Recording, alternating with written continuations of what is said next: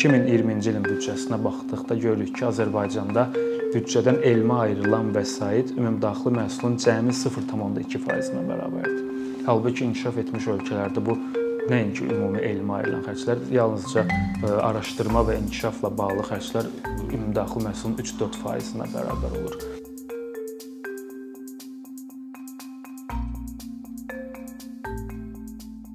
Ötən əsrin sonlarına doğru elektronlaşma və informasiya texnologiyaları ilə bağlı əldə edilən nailiyyətlər təbii ki, iqtisadiyyatda da geniş tətbiq edilməyə başlandı və bu yeniliklər əslində iqtisadiyyatda yeni bir mərhələnin başlanmasına kömək e, səbəb oldu.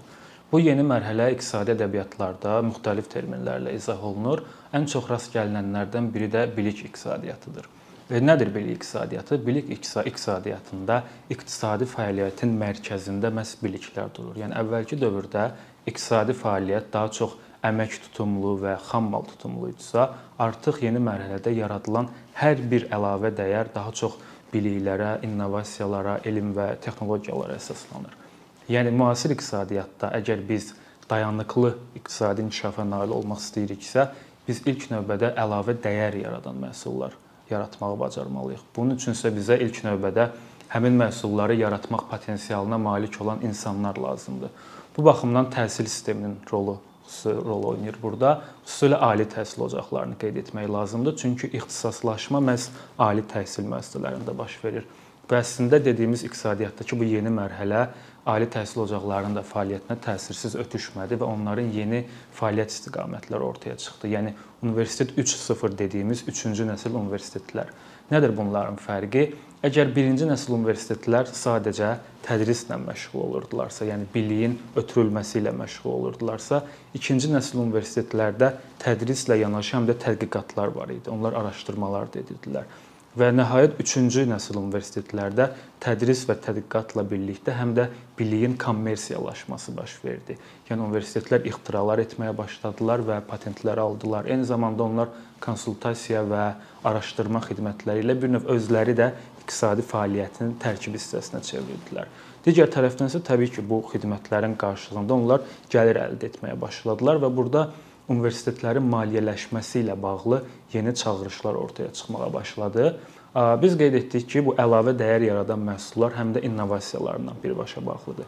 Amma burada innovasiya deyəndə təkcə yüksək texnoloji məhsullardan söhbət getmir. Yəni məsələn, hər hansı bir məhsulu bazarda xarab olmadan daha uzun müddət satılmasına və ya turistlərin daha çox pul xərcləməsinə şərait yaradan ideyalar da innovasiyalardır. Amma Burada maraqlı məqam ondan ibarətdir ki, cəmiyyətdə e, təhsilli fərdlərin olması hələ yeni ideyaların ortaya çıxaracağı mənasını gəlmir. Çünki sən yeni bir ideya ortaya qoymaq üçün ilk növbədə var olanı tənqid etməyi bacarmalısan. Bundan sonra ona əsaslanıb yeni ideyalar irəli sürə bilərsən. Bu baxımdan e, bilik iqtisadiyyatı insanların informasiyaya azad çıxışının olduğu, e, rahat tənqidi fikirlərini səsləndirə bildiyi və rəqabət mühitinin olduğu bir ekosistemdə formalaşa bilər. Buna görə də biz məsələn son illərdə görürük ki, artıq iqtisadi təşkilatlar ifadə azadlığı, mətbuat azadlığı və informasiya çıxış imkanlarını da klassik iqtisadi indikatorlarla birlikdə iqtisadi hədəflər çərçivəsində e, dəyərləndirməyə başlayıblar. E, məsələnin digər bir tərəfi də məhz e, bundan ibarətdir ki, ölkədə hər hansı bir ölkədə ölkənin iqtisadiyyatı konkret olaraq bir resursdan asılıdırsa və ya iqtisadi təşəbbüslərin həyata keçirilməsi rəqabət mühitində baş vermirsə, burada da təhsilli fərdlərin olması bilik iqtisadiyyatın formalaşmasına gətirib çıxartmır. Biz qeyd etdik ki, bu iqtisadiyyatdakı yeni mərhələdə universitetlərin maliyyələşməsi ilə bağlı yeni çağırışlar var.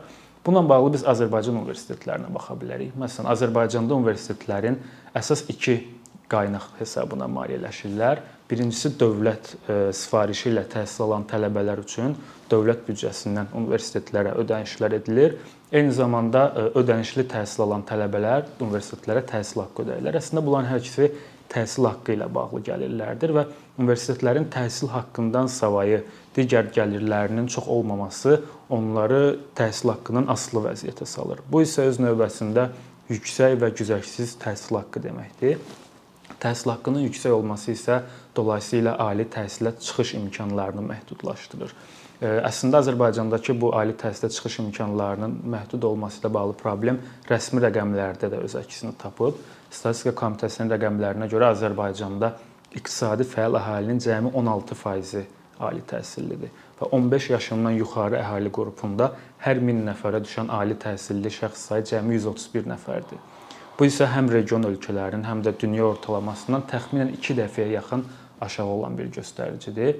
Hətta bir müddət, bir neçə il öncə təhsilin inkişafı ilə bağlı strateji bir sənəd qəbul olunmuşdu. Orada da xüsusilə qeyd olunurdu ki, Azərbaycanda 25-34 yaş arası ali təhsilli gənclərin təxminən 70%-i dövlət sektorunda fəaliyyət göstərir və özəl sektorda artıq ixtisaslı kadr çatışmazlığı problemi ilə biz qarşı-qarşıyayıq. Bu problemləri aradan qaldırmaq üçün əlbəttə biz universitetlərin təhsil haqqından başqa digər gəlirlərinin formalaşdırılmasını bu vərdişləri həmin universitetlərə qazandırmalıyıq. Buna nail olmaq üçün isə ilkin mərhələdə dövlət büdcəsindən elm, araşdırma və inkişafla bağlı xərclər mühüm rol oynayır. Amma məsələn 2020-ci ilin büdcəsinə baxdıqda görürük ki, Azərbaycanda büdcədən elmə ayrılan vəsait ümumdaxili məhsulun cəmi 0,2%-nə bərabərdir. Halbuki inkişaf etmiş ölkələrdə bu nəinki ümumi elmə ayrılan xərclər, yalnızca araşdırma və inkişafla bağlı xərclər ümumdaxili məhsulun 3-4%-nə bərabər olur. Digər tərəfdən məsələyə müsbət töhfə vermə imkanı olan bir məsələ təhsilin kreditləşməsi ilə bağlıdır. Burada təkcə təhsil haqqlarının kreditlər hesabına ödənməsindən söhbət getmir, həm də tələbələrin aylıq xərclərinin həmin kreditlər hesabına ödənilməsindən söhbət gedir ki, tələbə təhsil aldığı müddət ərzində həm təhsil haqqını, həm öz xərclərini dövlətdən və ya hər hansı başqa qurumdan aldığı vəsait hesabına qarşılayır. Təhsilini başa vurduqdan sonra isə müəyyən bir zaman keçdikdən sonra və iş həyatına başladıqdan sonra daha güzəştli şərtlərlə onu geri ödəməyə başlayır və Azərbaycanda əslində ali təhsilə çıxış imkanlarının məhdudluğunun həm də maliyyə məsələləri ilə bağlı olduğunu ortaya qoyan bir tədqiqatda Dünya Bankı tərəfindən aparılmışdı və onların tədqiqatında ortaya çıxdı ki, Azərbaycanda ən çox gəlir əldə edən 20%lıq əhali qrupu ilə ən az gəlir əldə edən 20%lıq əhali qrupunun təhsil xərcləri arasında 4 dəfə fərq var. Hətta yadımdadır ki, səhiyyə ilə bağlı bu xərclər 8 dəfəyə bərabər idi.